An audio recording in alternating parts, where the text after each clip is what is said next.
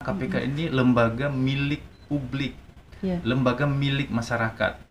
Kalau berangkat dari rasa dan tanggung jawab itu, maka kita akan kerja sungguh-sungguh dan Iya. mendengar masukan dari masyarakat. Iya.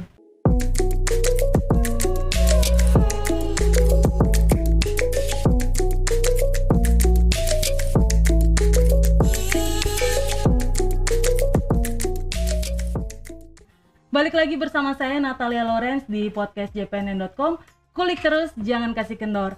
Dan saat ini di studio sudah hadir bersama saya seorang tamu spesial yang eh, belakangan ini jadi obrolan di tengah publik setelah mundur dari jabatannya yaitu aktivis anti korupsi dan juga mantan Kabiro Humas KPK yaitu Mas Febri Diansyah. Mas Febri apa kabar Mas Febri? Kabar baik, alhamdulillah. Oke, dan ini dari tanggal 18 September kan sudah pamit ya Mm-mm. dari KPK. Kesibukannya apa nih sekarang? Sebenarnya masih eh, ada jangka waktu satu bulan ya, lama notis begitu. Jadi secara efektif nanti proses pemberhentiannya akan dilakukan di 18 Oktober, ya. heeh. Uh, atau mungkin di hari kerja yang Yep. masih deket-deket lah sama Mm-mm. 18 Oktober itu. Ada banyak hal yang uh, perlu disiapkan juga, jadi Oke. bukan berarti ketika mengajukan surat uh, resign Ya. atau kalau kami menyebutnya uh, pamit begitu ya, Iya, pamit, dari heeh. KPK, maka uh, semuanya uh, selesai secara otomatis. Oke. Enggak, karena ada kewajiban misalnya saya harus laporkan uh, LHKPN Iya. ketika akhir menjabat itu Ha-ha. laporan khusus dan uh, sudah mulai dilakukan sedang dalam proses finalisasi kemudian membuat juga semacam dalam tanda kutip uh, pertanggungjawaban kerja begitu ya Mm-mm. apa yang sudah dilakukan selama ini sekaligus uh, apa yang perlu diperhatikan untuk uh, pejabat berikutnya Mm. sehingga nggak tiba-tiba keluar Langsung keluar gitu ya. pejabat baru nggak tahu apa yang mau dilakukan. Iya, nah, it- itu yang sedang disiapkan. Meskipun Oke. saya juga ambillah beberapa hari cuti yang sebelumnya tidak pernah diambil, nyaris tidak pernah diambil begitu ya. Hmm. Kerja keras mulu ya. Enggak juga sih sebenarnya. Iya. Eh, terus ini kan eh, saya baca di media kan Mas Febri sudah 11 bulan waktu mem- untuk memutuskan pamit dari KPK.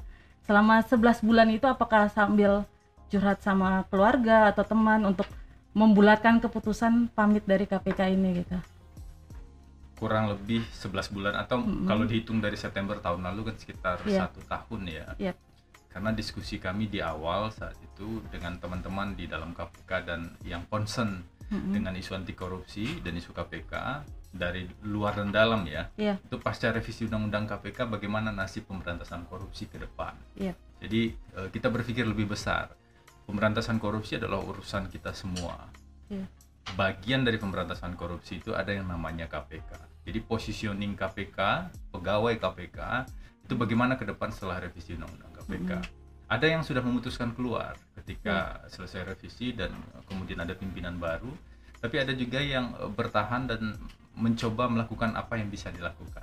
Oke. Tapi selain itu tentu dengan keluarga juga sudah mulai ada Obrolan diskusi gitu ya. atau obrolan-obrolan karena eh, keputusan apa pun yang Mhm. diambil itu pasti akan ada konsekuensinya nanti dengan orang-orang Iya. di sekitar kita. Dan ini bukan soal personal saja tentu saja. Eh, Ini ini soal yang lebih besar sebenarnya ketika kami mendiskusikannya dalam waktu cukup panjang. Oke. Ya 11 bulan cukup cukup Hmm. cukup lama mungkin ya eh, Iya. pergulatan pikiran dan pergulatan Iya, benar. eh, batin sampai di keputusan September kemarin. Kalau dari pihak luar, maksudnya selain teman-teman Mas Febri di KPK, ada juga dari pihak luar yang memberi dukungan, udah mending keluar aja gitu dari KPK. Eh, ada dua ya sebenarnya terbelah juga Hmm. Oke. dan berada pada posisi dilema. Misalnya begini, kalau eh, tetap bertahan di KPK, tetapi relatif tidak ada hal signifikan yang bisa dilakukan untuk pemberantasan korupsi, Mhm. eh, apa enggak sayang dan Hmm, apa enggak sebaiknya kita berpikir tentang strategi baru soal pemberantasan korupsi. Tapi di sisi lain ada juga yang berpikir eh, sebaliknya. Kalau eh, semakin banyak yang keluar dari KPK, siapa yang menjaga KPK dari dalam? Iya. Nah, pergulatan ini eh, terus-menerus terjadi ya di di dua kutub kan eh, Iya. sebenarnya. Tapi ada kesamaan dari dua kutub ini. Pemberantasan korupsi ke depan itu masih punya aral rintang dan tantangan yang sangat besar. Iya. Termasuk pertanyaan berikutnya, KPK berada dalam uh, posisi strategis apa untuk pemberantasan korupsi ke depan. Sudah mulai jadi banyak diskusi juga di beberapa uh, tokoh-tokoh dan akademik uh, akademisi begitu ya uh, yang concern dengan isu pemberantasan korupsi tersebut. Kan tadi Mas bilang uh, apakah sudah ada kontribusi signifikan atau belum? Kalau Mas Febri merasa sudah ada kontribusi itu selama masih berada di KPK itu? Saya masuk KPK 2013, Hmm. Eh, sesuatu yang sebenarnya tidak eh, pernah saya rencanakan dari Oke. awal untuk masuk ke KPK. Hmm. Bahkan ketika ada seorang teman sekitar mungkin 2008 atau 2009 ya Iya. ngajak saya untuk daftar di KPK, saya bilang eh, saya tidak mau masuk eh, KPK pada saat Hmm. itu karena saya mau kontribusi dari luar Iya. waktu itu saya di Indonesia Corruption Watch di Iya. ICW begitu dan ada posisi masyarakat sipil yang saya lihat kuat Hmm. sampai akhirnya a- terjadi cicak buaya pertama Oh ya iya, waktu cicak itu buaya. dan di tahun 2012 dan 2013 dan eh, juru bicara KPK saat itu Mas Johan bilang kami membutuhkan penyidik independen Iya. jadi dan saya pikir mungkin saya akan bermanfaat Hmm. ilmu hukum yang saya miliki mungkin bermanfaat kalau saya Iya. jadi eh, penyidik, Penyidik ya. secara detail saat itu. Tapi ya sampai sekarang saya tidak pernah jadi penyidik. Hmm. Oh iya. Karena Padahal daftarnya jadi penyidik. daftarnya jadi penyelidik. Oh, Karena penyidik kan penyelidik, nggak ya. buka pada saat itu. Yap. Eh, saya lolos sampai tahap akhir Iya. eh, dan ikut wawancara dengan Mm-mm. user begitu. Tapi di sana saya juga baru tahu bahwa kerja penyelidik itu banyak kerja tertutup Hmm. karena operasi tangkap tangan, Oh, eh, oke. pengintaian dan lain-lain itu kan Iya. dilakukan oleh salah satunya oleh penyelidik Mm-mm. dan, dan, eh, teman-teman bilang nggak mungkin kamu bisa jadi penyelidik gitu. Oh, oke. Akhirnya saya diajak lagi wawancara di kedeputian bidang pencegahan, Mm-mm. di gratifikasi. Iya. Nah, loloslah saya di sana dengan eh, waktu itu ada satu poin yang dikatakan nanti kalau kamu mau jadi penyidik, kalau penyidik kan relatif terbuka ya. Iya. Nanti kalau kamu mau jadi penyidik, kamu bisa tes lagi sekitar dua atau tiga tahun. Tapi ya yang lebih dulu adalah tes sebagai kepala biro humas. Hmm, Malah Meskipun lolos saya- ya.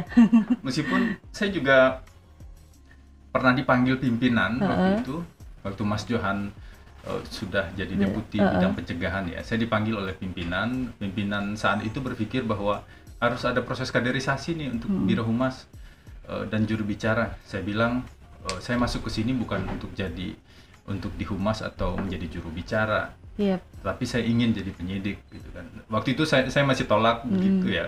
Meskipun tetap harus tes kan. Iya benar. Sampai akhirnya dua kali tes dilakukan, saya ingat saya, untuk mengisi posisi kepala biro humas, tapi belum ditemukan. Mm-mm. Dan eh, saya diajak bicara oleh beberapa orang, kamu harus ikut daftar. Ini Hmm. bukan soal pilihan dirimu sendiri, Heeh. tapi kebutuhan lembaga dan kamu harus berpikir lebih besar dibanding keinginan saja. Oke. Jadi di di sana akhirnya keinginan pribadi untuk jadi penyidik saya saya kesampingkan Hmm, dan Eh, menerima. eh, mungkin saya akan lebih bermanfaat dalam eh, posisi ini tapi tetap harus tes dan eh, tahapannya Hmm. juga cukup panjang Padahal eh, jadi Mas menol- eh, sempat menolak untuk menjadi kabiro Mas padahal yang fans sama Mas Febri itu banyak banget. Eh, jadi ketika Mas Febri memutuskan mundur, wartawan-wartawan cewek itu langsung patah hati. Karena senang lihat Mas Febri katanya kalau lagi ngobrol, denger-denger gitu temen-temennya di KPK yang sering meliput. nggak ada sih yang bicara begitu ke saya gitu. Mereka mengaguminya diam-diam, nggak ngomong-ngomong. Dan setelah ini Mas Febri saat akhirnya mengumumkan eh, untuk pamit dari KPK ini, siapa pihak mana yang eh, paling mengapresiasi dengan keputusan itu? kalau saya lihat setelah eh, akhirnya saya sampaikan ya Ya, saya lupa minggu dua minggu yang lalu ya saya Iya. sampaikan bahwa saya pamit dengan berbagai kondisi ada beberapa teman eh, ataupun mungkin yang jauh lebih senior dari saya Hmm. juga menghubungi dan saya jelaskan alasannya mereka eh, sebagian besar relatif memahami kan. oke. memang ada satu dua yang masih berpikir eh, dengan dilema tadi ya Iya. bahwa kalau semua orang keluar dari KPK Iya, siapa yang siapa yang menjaga KPK dari dalam?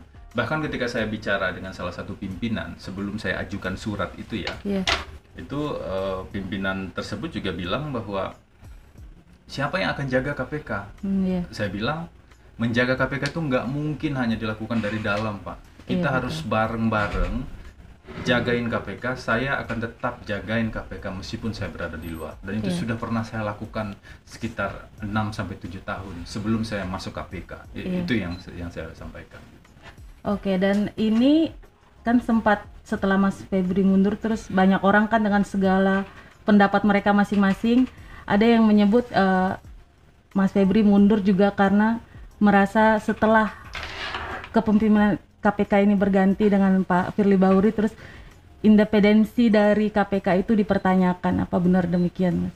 di surat itu saya bunyikan secara eksplisit Mm-mm.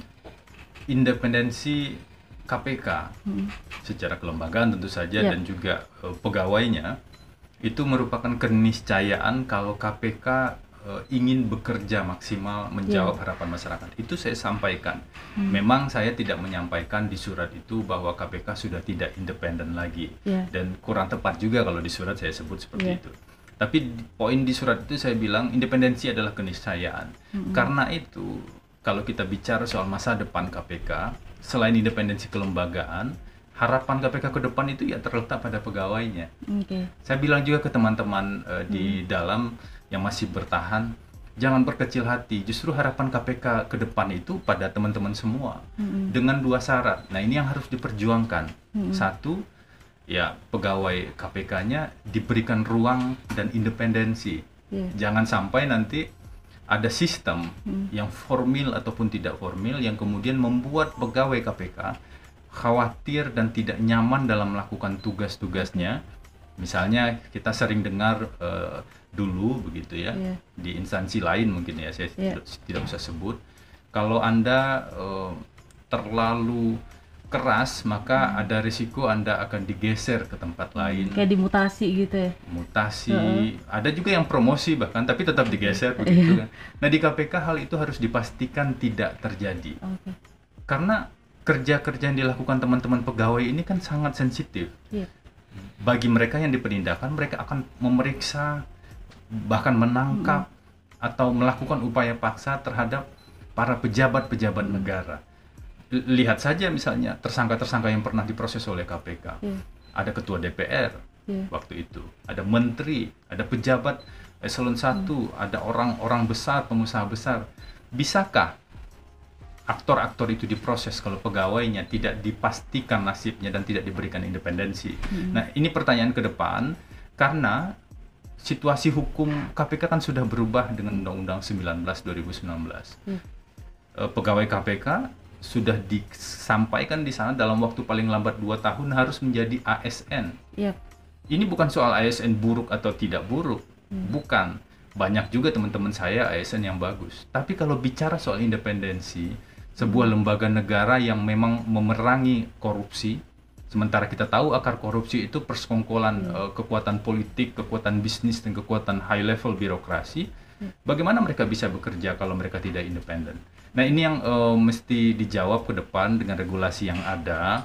Apa yang bisa dilakukan untuk menjamin pegawai KPK tetap bekerja secara kuat? Bukan hanya soal gaji, Oke. bukan hanya soal penghasilan. Kemarin kan kita dengar penghasilan pegawai KPK tidak akan turun gitu kan.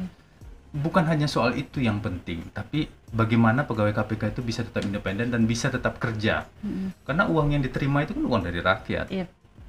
Saya ingat waktu baru masuk KPK di 2013 eh, ketika saya masih dapat slip gaji begitu ya. Iya. Ada amplop slip gaji pemberitahuan, gaji sudah dibayarkan. Itu ada tulisan di Apa itu? eh, amplop tersebut eh, penghasilan saya dari uang rakyat. Oh iya. Itu betul-betul jadi pengingat sebenarnya Benar. bahwa kalau begitu memang saya punya kewajiban untuk membalas ini agar kerja saya itu bermanfaat bagi rakyat Indonesia gitu kan. Pemahaman-pemahaman seperti itu eh, masih berjalan dan banyak teman-teman yang yang yang cukup kuat untuk memegang itu sekarang. Oke. Nah, ke depan hal itu tentu harus dimanfaatkan semaksimal mungkin agar KPK bisa bekerja eh, dan eh, efektif sehingga dirasakan manfaatnya oleh masyarakat. Pernah nggak Mak selama bekerja di KPK? Tapi ini mungkin pasti juga nggak bakal diomongin sih sama. Jadi pernah nggak eh, ada pengalaman atau tahu ada barter kasus terkait politik atau apa gitu di dalam KPK? Karena ada yang mungkin ada yang oknum yang nggak independen gitu. Kalau isu di luar sana, Yap. Kita sering dengar kan. Mm-mm. Dan bahkan ada juga yang menyampaikan ke saya isu-isu tersebut. Oke. Saya dengan senang hati bilang kalau memang ada bukti-bukti seperti itu, itu akan sangat bagus dan eh, kami akan melakukan eh, proses di internal. Iya. Apakah pernah proses internal itu dilakukan? Pernah. Dulu ada seorang penyidik yang eh, kami dapat informasi dari masyarakat di awal-awal KPK ya, seorang penyidik yang memeras saksi. Memeras saksi. Jadi oke. saksi eh, dimintai uang gitu diperas dan akhirnya tim eh, pengawas internal bergerak dan kemudian memproses kasus itu. Oke.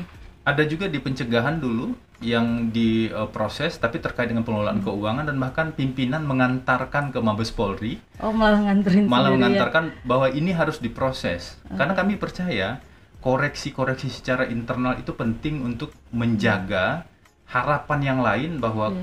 Kita tetap harus berbuat secara benar gitu Iya. kan. Dan itu pernah dilakukan. Jadi kalau ada informasi seperti itu malah sangat bagus sebenarnya teman-teman pengawas internal atau sekarang ada tim di dewan Iya, pengawas dewan. itu akan sangat senang kalau ada informasi seperti itu dan bisa diverifikasi lebih Hmm. lanjut. Karena ini kan kayak apa ya?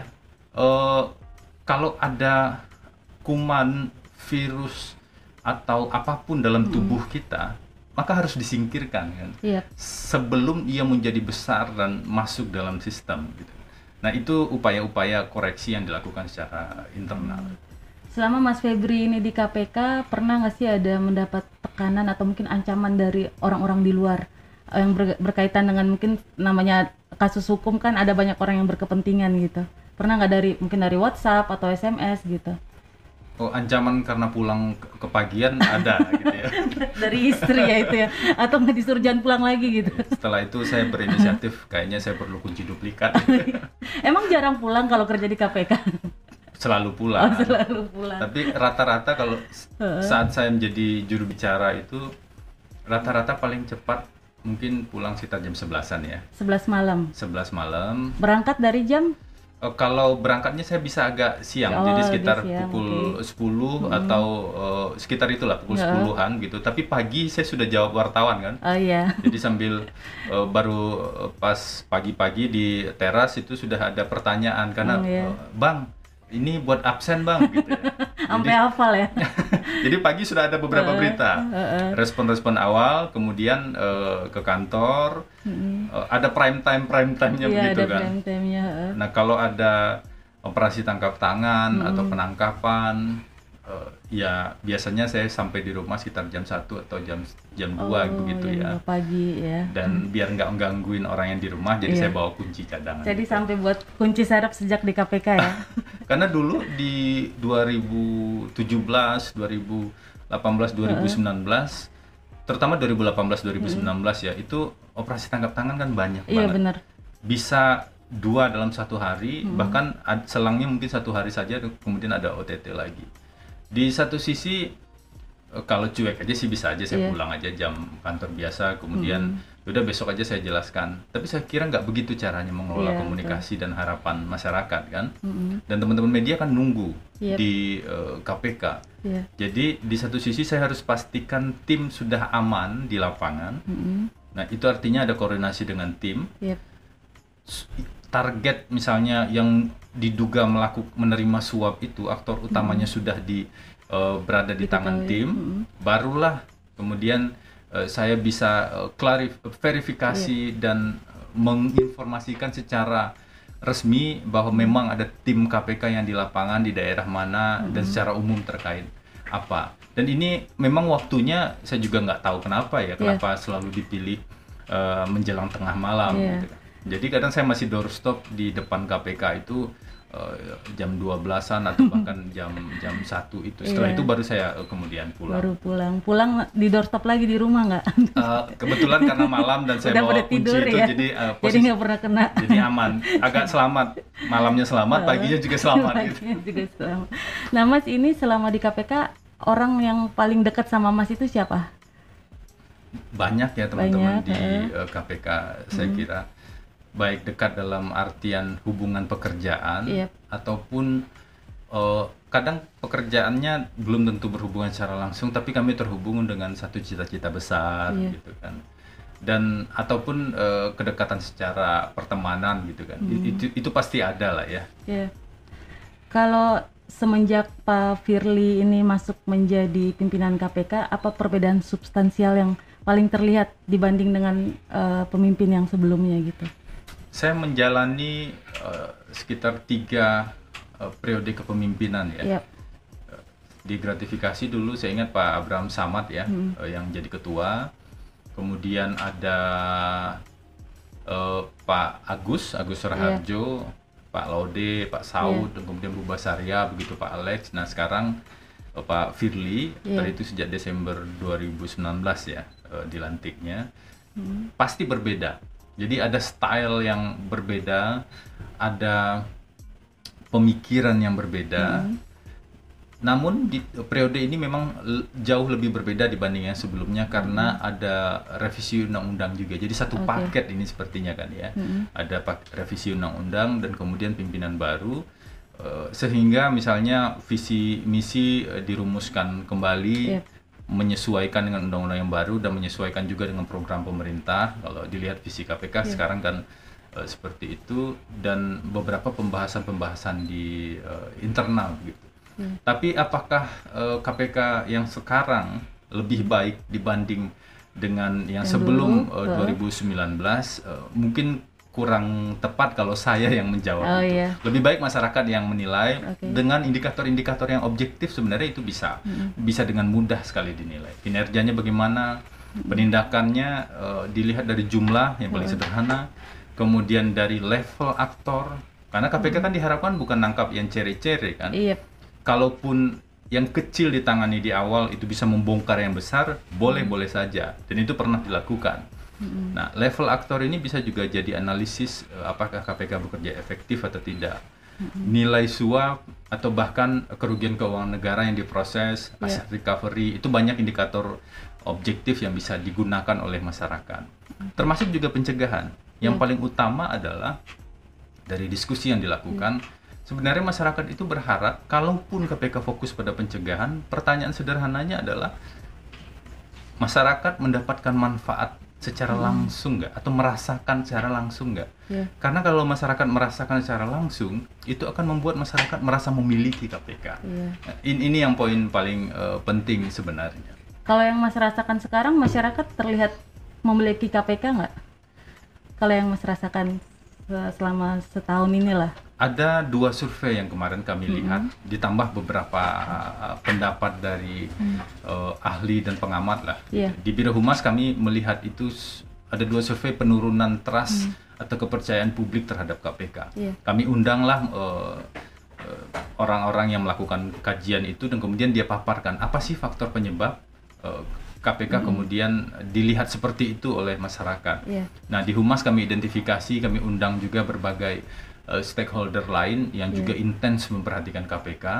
Nah, ini ini prosesnya sudah hampir selesai dan segera akan kita paparkan ke pimpinan. Dari sana kelihatan satu memang eh, trust publik terhadap KPK turun dari Oke. berbagai survei, tapi tetap ada harapan terhadap KPK untuk melakukan beberapa hal dan banyak masukan yang diberikan eh, terhadap KPK. Nah, harapannya hasil kajian ini, hasil review tentang reputasi organisasi ini yang merupakan tugas dari Biro Humas itu nanti dipertimbangkan sehingga diambil beberapa kebijakan-kebijakan untuk kebaikan KPK ke depan secara institusional.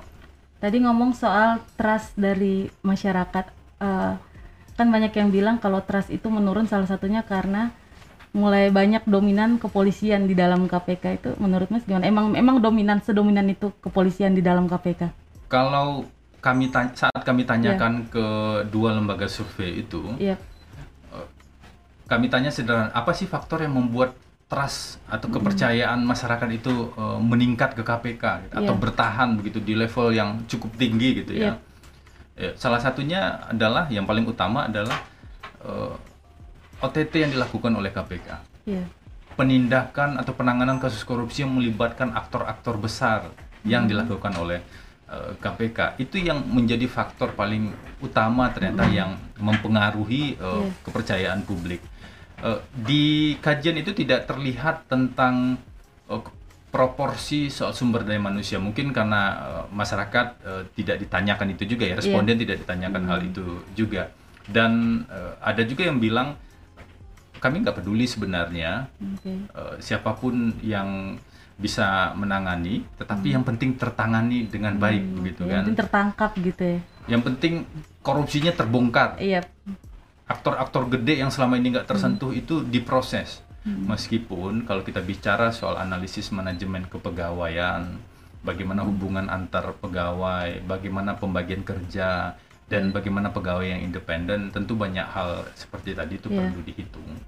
Kalau menurut Mas, ini dari uh, pengalaman Mas aja di dalam se- seberapa persen persentase uh, pegawai yang berintegritas di KPK dan pejabat-pejabatnya? Saya kira kalau dibuat persentase Iya. terlalu cepat ya Terlalu kalau cepat, di- ya. disimpulkan. Uh, uh, tapi saya mengenal banyak orang di KPK dan eh, dari yang saya kenal itu banyak yang sebenarnya masih terus berjuang untuk untuk eh, bisa berkontribusi lah ya untuk bisa melawan eh, korupsi dengan tugas mereka masing-masing. Bahwa mereka juga khawatir bahwa mereka juga eh, ragu dalam beberapa hal atau mendiskusikan bagaimana nasib pemberantasan korupsi ke depan ya Iya. tapi banyak teman-teman di dalam yang perlu kita jaga dari luar sebenarnya menurut saya karena mereka masih eh, mau terus fight dan ini juga salah satu syarat kan? Terhubungnya kekuatan di luar dan kekuatan di dalam agar bisa menjaga KPK dan bisa bareng-bareng melawan korupsi. uh, ini terkait Dewas KPK menurut Mas uh, Dewas cukup berintegritas kah untuk uh, membersihkan mungkin ada oknum-oknum yang kurang baik atau kurang bagus dalam pemberantasan korupsi di KPK gitu Mas? Kalau lima orang secara personal dari Dewas, itu saya sampaikan juga Iya. secara langsung ya. Eh, saya percaya dengan mereka Ya. dan kami melihat publik sebenarnya cukup percaya dengan kapasitas personal dari dewas-dewas tersebut. Oke. Tapi hati-hati, ini saya sampaikan juga ke dewas ya. Hmm. Ada dua cara pandang melihat dewas. Pertama, dewas secara personal yang tadi. Mm-mm. Yang kedua, Dewan Pengawas secara struktur yang merupakan hasil dari revisi Undang-Undang KPK. Oke. Jadi publik melihat dari dua dua sisi ini. Kalau secara struktur, sebagai banyak sekali masyarakat yang menolak revisi Undang-Undang KPK. Iya. Tapi secara personal eh, orang percaya dengan mereka. Sehingga itu saya sampaikan waktu saya ketemu Dewas, saya sampai waktu pamit ke Dewas. Oh pamit juga bertemu Dewas Ya, ya? saya ketemu uh, lima pimpinan, saya ketemu juga dengan Dewas. Saya sampaikan begini, Uh, ujian kredibilitas Dewas itu salah satunya terletak pada putusan kasus dugaan pelanggaran etik yang sedang diproses. Ada tiga sebenarnya kan, Iya. dua sudah diputus dan satu lagi akan diputus di tanggal uh, 12. Iya. Kalau memang ya masyarakat kan sederhana berpikir, kalau memang ada pelanggaran etik maka berikanlah sanksi seberat-beratnya agar itu jadi contoh dan pembelajaran. Oke. Tapi kalau memang tidak ada pelanggaran, mestinya juga secara clear Dewas mengatakan tidak ada pelanggaran di sini, yang harus diproses adalah yang lain. Jadi posisinya memang harus eh, lebih terang mana hitam, mana putih begitu ya. Mana siang, mana mana malam. Jadi nggak abu-abu ya? Ya kalau itu. kalau dewan pengawas berada pada ranah yang abu-abu, eh, lalu kita bisa bertanya pada siapa lagi betul. tentang integritas, tentang bagaimana bekerja secara profesional dan Hmm. lain-lain seperti itu. Mas Febri setelah dari KPK rencananya mau ngapain? Banyak sih rencana. Kalau di hari pertama saya mau mau nguras kolam dulu Oh begitu iya, ya. ada kolam. Kolam apa nih? Kolam ikan apa Kolam- kolam renang? Kolam ikan buat anak-anak. Oh iya. Emang suka melihara ikan apa tuh? Anak-anak yang suka Oh, sebenarnya. Mas Febri tapi- nggak sempat melihara ikan ya? Tapi akhirnya yang yang melihara kolamnya, yang bersihin ya tetap saja eh, bapaknya kan. Oh, ya. iya. Boro-boro mereka yang bersihkan itu. Ya karena tanggal 18 itu kan hari Minggu. ya. Oh iya, jadi sekalian Jadi eh, itu salah satu tugas konstitusional lah yang Hmm. harus dilakukan. diselesaikan juga ya. Tapi begini, saya juga ditanya sebenarnya oleh pimpinan Hmm, setelah dari KPK mau ke mana? Iya, Saya bilang saya nggak ke mana-mana pak. iya, Saya pasti akan tetap pada kerja-kerja pemberantasan korupsi. iya. Kapasitas saya cuma dua, Mm-mm. Sebagai sarjana hukum Iya. pendidikan hukum di Fakultas Hukum UGM Iya. eh, dan kemudian eh, diangkat jadi advokat tahun Hmm. 2013 setelah itu nonaktif kan karena selama di KPK Iya. dan yang kedua kompetensi soal komunikasi publik Hmm. jadi saya akan menggunakan dua kompetensi ini untuk terlibat dalam upaya pemberantasan korupsi Oke. Nah, bisa saja yang yang sudah dibicarakan bersama teman-teman sekarang adalah mendesain sebuah kantor hukum publik Iya. jadi kantor hukum tetapi mengkombinasikan advokasi publik di sana. Jadi bukan sekedar soal kantor hukum yang full profit oriented, Iya. tetapi ada aspek publik yang menonjol di sana. Hmm.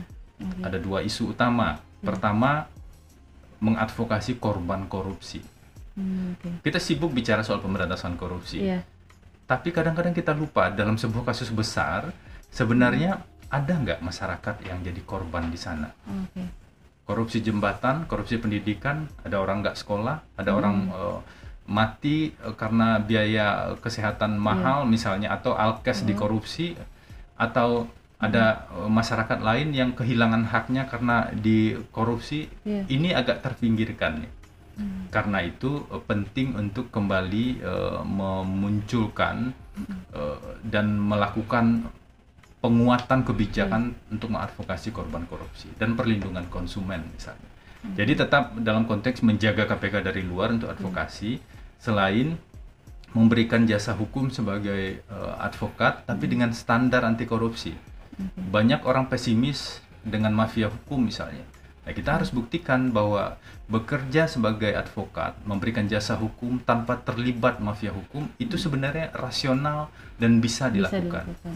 Eh, ya kami dan teman-teman sepakat misalnya kalau kami menjalani itu kami tidak akan menangani kasus korupsi. Iya. Nah itu yang harus dipegang. Kecuali ada rekayasa hukum ya, Iya. beda lagi. Kita nggak tahu penegak hukum ini apakah tetap profesional terus atau tidak. Iya.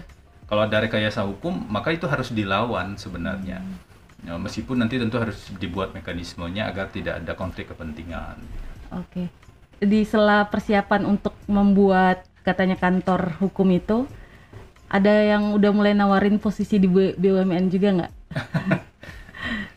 Sebenarnya beberapa bulan kemarin itu ada ya, ada beberapa lah ya ajakan dan eh, tawaran, tapi nggak spesifik lah eh, perlu saya sampaikan ya. Iya. Saya cuma bilang gini, rasanya saya tidak tepat kalau berada di sana, gitu ya. Eh, karena saya juga nggak sama sekali nggak mengajukan eh, lamaran ke kementerian, ke BUMN, ke perusahaan-perusahaan swasta, sama sekali tidak. Karena saya pikir begini kalau saya berada di luar dan bagi saya independensi eh, hal yang utama untuk Iya. bekerja begitu untuk menjaga sistem nilai tersebut mungkin akan lebih baik saya jalan bersama teman-teman yang satu visi Iya. untuk bisa melakukan hal-hal yang kami kami pandang itu cukup strategis begitu Iya. kan apalagi eh, tantangan kondisi sosial politik eh, dan ekonomi saat ini kan. Jadi saya pikir kita mulai dari nol saja di luar. Seandainya ini seandainya nih kalau eh, Mas di setelah ada pergantian pimpinan KPK, seandainya dipanggil lagi untuk kembali mengabdi di KPK mau nggak? semua orang yang semua pegawai yang mau keluar KPK itu dikasih namanya ada catatan apa catatan sebelum keluar begitu. Ada Oke. satu pertanyaan memang, apakah jika anda eh, dibutuhkan lagi di KPK, anda bersedia untuk kembali ke KPK? Prinsip utamanya adalah kalau memang eh, kami dibutuhkan dan bisa berkontribusi secara signifikan, secara sederhana begitu. Dan itu pasti jawabannya adalah iya. Oke. Nah, karena pertimbangan saya keluar juga dari, dari pertanyaan itu. Oke. Apakah eh, saya ketika bertahan di KPK saat ini masih bisa berkontribusi secara signifikan untuk pemberantasan korupsi atau tidak? Hmm. Bukan soal eh, jabatan misalnya. Ada juga yang bilang, apa nggak sayang Feb jabatan kepala biro setara eselon 2 begitu? Nggak Bahkan sayang kalau jadi PNS sekalian gimana tuh? Nggak bahkan nggak sudah, tertarik? bahkan sudah eselon 2 kan Oh, kalau iya. di ASN di PP yang terakhir begitu ya. Iya. Eh, saya bilang jabatan itu kan alat ya, Hmm. alat dan katakanlah tools agar kita Hmm. bisa bekerja dan eh, kerja kita bermanfaat bagi orang. Jadi kalau ada pejabat yang jabatannya tinggi tapi eh, orang tidak merasakan manfaatnya, Hmm. apa gunanya jabatan seperti itu gitu kan. Ya, ya paling gajinya bagus, Iya. terus oh, punya oh, prestis dan Iya. lain-lain. Tapi apa gunanya kalau hanya untuk kepentingan sendiri gitu kan. Hmm, oke. Jadi itu soal-soal yang kesekian saya bilang ke teman-teman. Dan kalaupun kembali ke KPK, eh, yang pasti kami Hmm. tidak akan pernah tinggalkan KPK. Oke. Itu, itu kata kunci yang paling utama sebenarnya. Saya sampaikan juga pada pimpinan waktu ngobrol itu, Hmm. Pak, Bu, saya tidak pern- tidak akan pernah tinggalkan KPK Hmm. meskipun saya berada di luar sana. Mm. Tertarik untuk ikut seleksi pimpinan KPK berikutnya nggak? Pasti belum cukup umur. Belum cukup umur ya. Karena revisi undang-undang yang terakhir itu dari 40 tahun ditambah lagi. Saya lupa 45 apa 50 Ah, iya. tahun ya. Jadi kalau seleksi lagi kan sekitar 2023. Iya. Oh, belum cukup umur. Ya udah nih, empat tahun tunggu lagi. sampai umurnya pas ta- daftar ya. Jadi masih masih panjang mungkin ya. Iya. Mungkin harus orang yang sudah senior Heeh. begitu yang bisa jadi pimpinan eh, KPK. Mas Febri tertarik nggak eh, mengikuti jejaknya Mas Johan Budi di partai politik mungkin? Saya sekarang tidak terpikir sama Hmm. sekali ya. Eh, Ada juga yang tanya begini, eh, mau nggak maju di pilkada bahkan agak-agak sampai agak ekstrim begitu ya. Iya. Saya bilang enggak Heeh, karena saya harus jaga KPK. iya. Eh, minimal saat ini saya bilang a- harus ada meskipun tidak ada aturan ya, Hmm. harus ada pemahaman masa tunggu sebenarnya. Mm-mm. Di KPK di negara lain ada yang diatur seperti itu. Seorang pegawai KPK atau mantan pejabat KPK itu jangan sampai dia masuk ke pekerjaan-pekerjaan yang ada konflik kepentingan yang kuat Hmm. dengan lembaga yang pernah dia dengan KPK Jabat ya, misalnya. mm. Karena itu bahaya sekali dari aspek independensi. Dan eh, sektor politik saya pikir eh, memiliki resiko yang cukup Tinggi, signifikan ya. soal itu. Jadi saya jawab secara sederhana, ya saya akan kembali ke masyarakat sipil dan dunia profesional di Hmm. bidang hukum. Saya akan coba bangun di sana untuk pemberantasan korupsi. Berarti itu yang nawar-nawarin orang parpol apa gimana Mas? Gak usah disebut lah siapa begitu ya. Tapi parpol-parpol juga ada yang pernah menghubungi gitu untuk nawarin gimana kalau ikut bergabung gitu. Mungkin tidak tepat kalau saya sebut secara spesifik dari mana Iya, saja, iya. tapi ada beberapa memang Heeh. baik yang eh, kelihatannya sangat serius Iya. ataupun yang ya mungkin cuma mau ngukur aja. Ada ada Hmm. juga yang seperti itu gitu kan. Oke. Eh, tapi poin yang paling utama saya kira eh, bukan pada tempat kerja yang baru, Iya. tetapi apa yang bisa dilakukan di setelah tidak di Iya. KPK. Kan itu poin yang paling krusial. Oke. Terakhir Ma- Mas Febri, pesannya untuk KPK agar bisa menjadi lebih baik ke depannya setelah Mas pergi. setelah Setelah pergi kok kayaknya gimana ya? setelah- Setelah Mas pamit maksudnya. setelah tidak di KPK lagi Iya. gitu kan. Eh, ada satu hal yang paling mendasar selain Hmm. soal kerja yang tadi kita diskusikan dan diharapkan Iya. oleh publik ya. Ada satu hal yang sangat penting eh, pemahaman bahwa KPK itu milik masyarakat. Iya. Nggak semua orang punya pemahaman seperti itu. Hmm. Bahkan kita pernah dengar ada yang bilang ini urusan internal kami di KPK. Hmm. Kita bisa bilang urusan internal di KPK itu kecuali yang memang eh, rahasia Iya. ya itu adalah urusan publik karena KPK ini lembaga milik publik Iya. lembaga milik masyarakat kalau berangkat dari rasa dan tanggung jawab itu baik pimpinan dewan pengawas ataupun pegawai di KPK dan terutama para pejabat eh, struktural di KPK maka kita akan kerja sungguh-sungguh dan Iya. mendengar masukan dari masyarakat Iya. dari media misalnya atau dari media sosial itu harus dianggap sebagai cermin eh, yang membantu. KPK melihat apa yang sebenarnya diinginkan oleh publik. Jangan abaikan, Oke. jangan merasa benar sendiri juga. Hmm. Misalnya, ya saya nggak pedulilah itu Iya. dengan pemberitaan di media, nggak peduli dengan bagaimana teriakan orang di eh, media sosial. Hmm. gitu kan. Meskipun belum tentu semuanya benar ya, tapi sebagai sebuah cermin Iya. itu penting untuk dibahas apa sih yang sebenarnya diharapkan orang pada KPK. Dan salah satu tools untuk membuat eh, orang tetap bisa berkomunikasi dengan KPK adalah komunikasi publiknya betul-betul harus dibuka. Iya. Jangan tertutup pada publik, terutama pada media. Oke, itu aja Mas Febri. Terima kasih banyak sudah hadir di studio podcast Japanen.com. Kami doakan semoga semangatnya untuk pemberantasan korupsi tidak pernah kendor ya. hajar koruptor ya Mas ya. Nanti Semangat kita untuk tunggu. kita semua. Oh iya. kita tunggu langkah-langkah Mas Febri berikutnya. Dan untuk viewers jpnn.com di mana pun kalian berada, jangan lupa untuk selalu menjaga kesehatan dengan memakai masker, menjaga jarak dan selalu mencuci tangan setelah beraktivitas di luar rumah. Dan jangan lupa untuk subscribe channel YouTube jpnn.com dan follow uh, podcast jpnn.com di Spotify. Nantikan podcast jpnn.com pekan depan.